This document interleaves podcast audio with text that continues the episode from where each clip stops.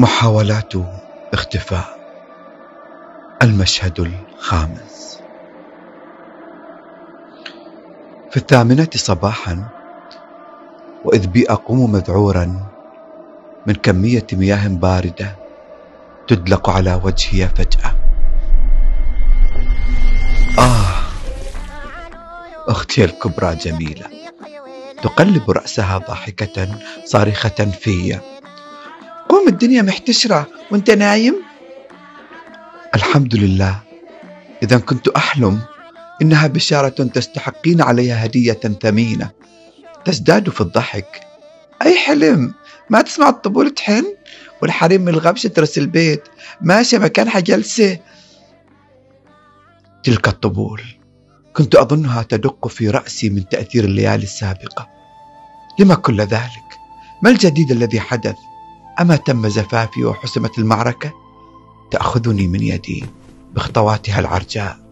تقودني وأنا مترنحا خلفها إلى حمام غرفتها التي نمت بها بعد الفجر تاركا العروس عند السيدة العملاقة. نم كوبرا تضعني تحت سنبل المياه متأوها أرتجف وهي تدعك بيدها على وجهي وشعري. أبوي ينتظرك في المجلس. الرجال جايين يسلموا عليك يصبحوا بك. وأنا كأني الغارق في يم المفاجآت أستحلفها بإبقاء عدة ساعات أنام بها وكأنها لا تسمعني. تناولني المنشفة وهي منصرفة تخبرني بأنها أعدت لي ما سألبسه على السرير. لأخرج للناس ويجب أن لا أذهب لغرفتي لأنها تعج بالنساء المباركات. أستوقفها. كيف الاحتمال كل هذا؟ ألم ينتهي العرس؟ ألم أزف البارحة؟ وهي تغلق الباب علي لأتمم لباسي. الزفة خلصت. هذه التصبوحة أقولتهم. صباحيا مباركة يا عريس. وتنصرف بزغرودة مدوية.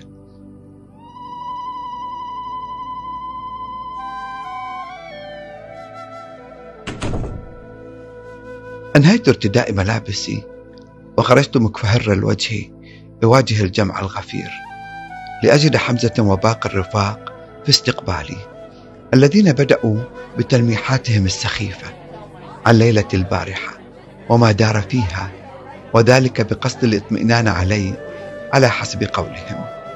كيف لهم الدخول في تفاصيلنا الدقيقة؟ من منحهم الحق في ذلك؟ كم تمنيت لطم كل واحد منهم على فاهه لأغلقه؟ يترك حمزة ما شعرت به ويقوم بتلطيف الأجواء بيننا. يستقبلني أبي استقبال الفاتحين بأحضان وقبل متباهيا بي أمام الجميع. أمام وسيلة لحذفهم جميعا من أمامي تعفيني من تلميحات الفحولة المبالغ فيها. تعفيني من هذا الفرح المتصنع بزواج لا يعنيهم فيه شيء أما من يقصيني عن تلك الوجوه الضاحكة. آه لو أختفي.